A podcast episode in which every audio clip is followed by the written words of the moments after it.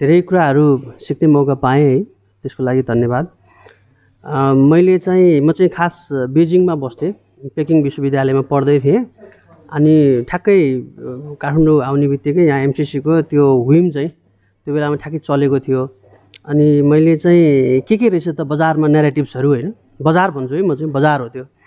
Demand and supply छ त्यहाँ पनि किनबेच छ होइन त्यहाँ पनि।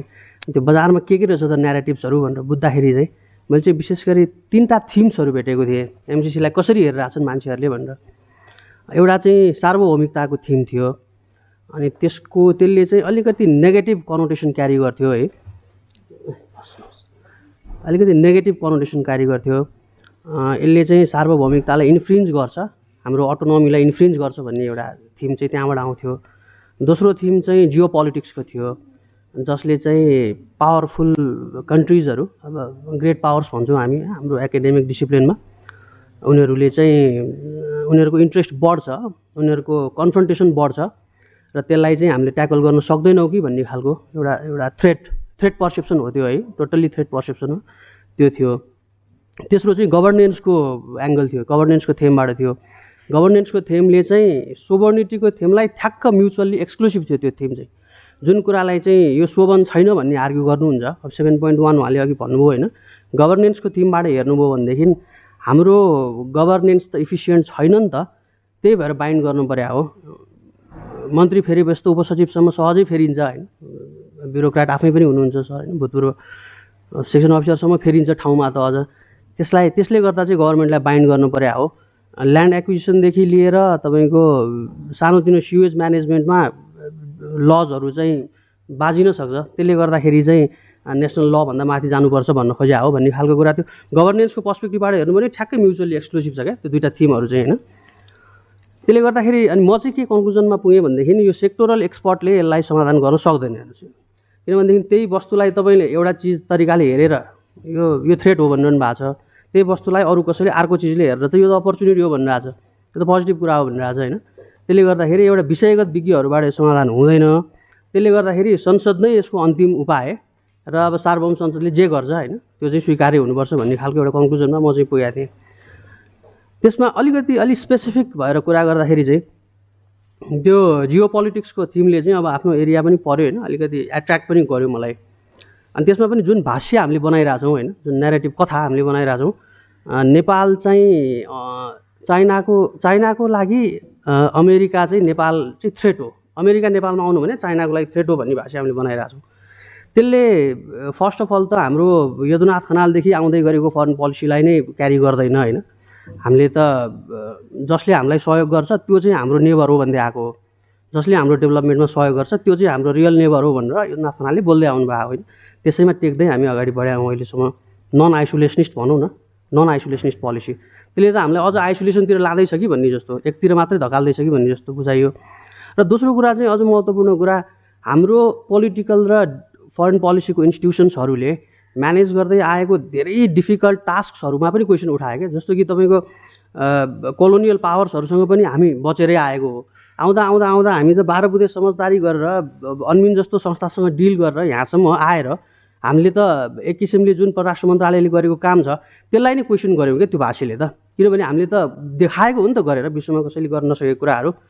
तपाईँको आर्म्ड कन्फ्लिक्टमा गइरहेको राजनीतिक दलहरूलाई मेन स्ट्रिममा पोलिटिक्समा ल्याउनु भनेको त it was not a easy task नि। ल्याएर देखाएको हो नि हाम्रो संस्थाले त। त्यो बेलामा त कति तपाईँको जियो पोलिटिकल टेन्सन्सहरू भयो होला होइन?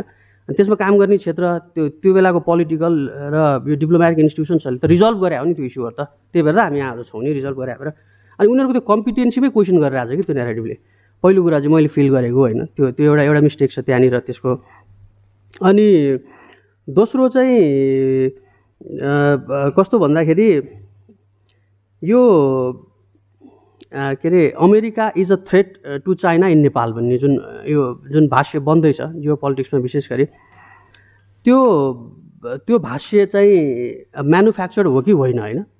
म्यानुफ्याक्चर होइन भनेदेखि कहाँबाट आयो कसरी आयो होइन? त्यो त्यो कसरी भन्यो किनभने नन अलाइनमेन्ट त त्यो होइन नि त। जो मान्छेले नन अलाइनमेन्टको एडभोकेसी गर्छ नन अलाइनमेन्ट भनेको त त्यो होइन। नन अलाइनमेन्ट भनेको त कुनै पनि मिलिटरी ब्लकमा गइँदैन भने अब। त्यसमा पनि फर्दर इनडेप्थ जाने हो भनेदेखि आज आर्मीले त तपाईँको घर बनाउन थालिसक्यो बाटो बनाउन थालिसक्यो होइन। आर्मीलाई कसरी स्ट्रेन्थेन गर्ने र सँगसँगै इन्टरनेसनल इस्युजहरूमा कसरी चाहिँ कन्फ्लिक्टलाई कसरी चाहिँ आफू पार्टिसिपेट नहुने कसरी बस्ने त्योबाट त्यो दुइटै कुरालाई सँगै लानुपर्छ अबको नन अलाइनमेन्ट भने त भोलिको दिनमा भुइँचालो गएर सुनामी गएर भत्केको ठाउँमा बनाउन हाम्रो आर्मी नजानी त त्यसो नन लाइन भने त्यो हो त। त्यो नन अलाइनमेन्टकै पनि एउटा अर्को क्वेसन त्यसले क्रिएट गरेको छ।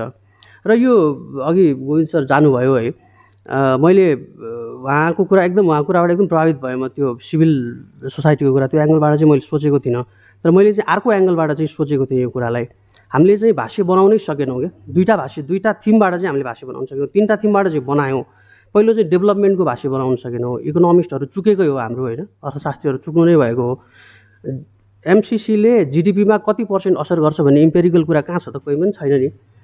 एउटा एमसिसीको रिपोर्टमा यति पर्सेन्ट मान्छेले चाहिँ डाइरेक्ट लाभान्वित हुन्छन् भन्ने खालको कुरा चाहिँ छ त्यसमा। एमसिसीले बाहिर काम गर्न जाने माइग्रेट वर्करमा कति पर्सेन्ट रिडक्सन ल्याउँछ त भन्ने कुरा गर्न पायो भनेदेखि त्यसले सोसाइटीमा अर्कै इम्प्लिकेसन पार्छ होला। अनि त्यसपछि तपाईँको ब्यालेन्स अफ पेमेन्टमा कस्तो असर पार्छ त भन्ने कुरा गर्न पायो भने अर्कै इम्प्लिकेसन ल्याउँछ होला। त्यो त्यो त्यो त्यो क्षेत्रबाट चाहिँ एमसिसीको डिस्कसन चाहिँ नभएकै हो जस्तो लाग्छ मलाई।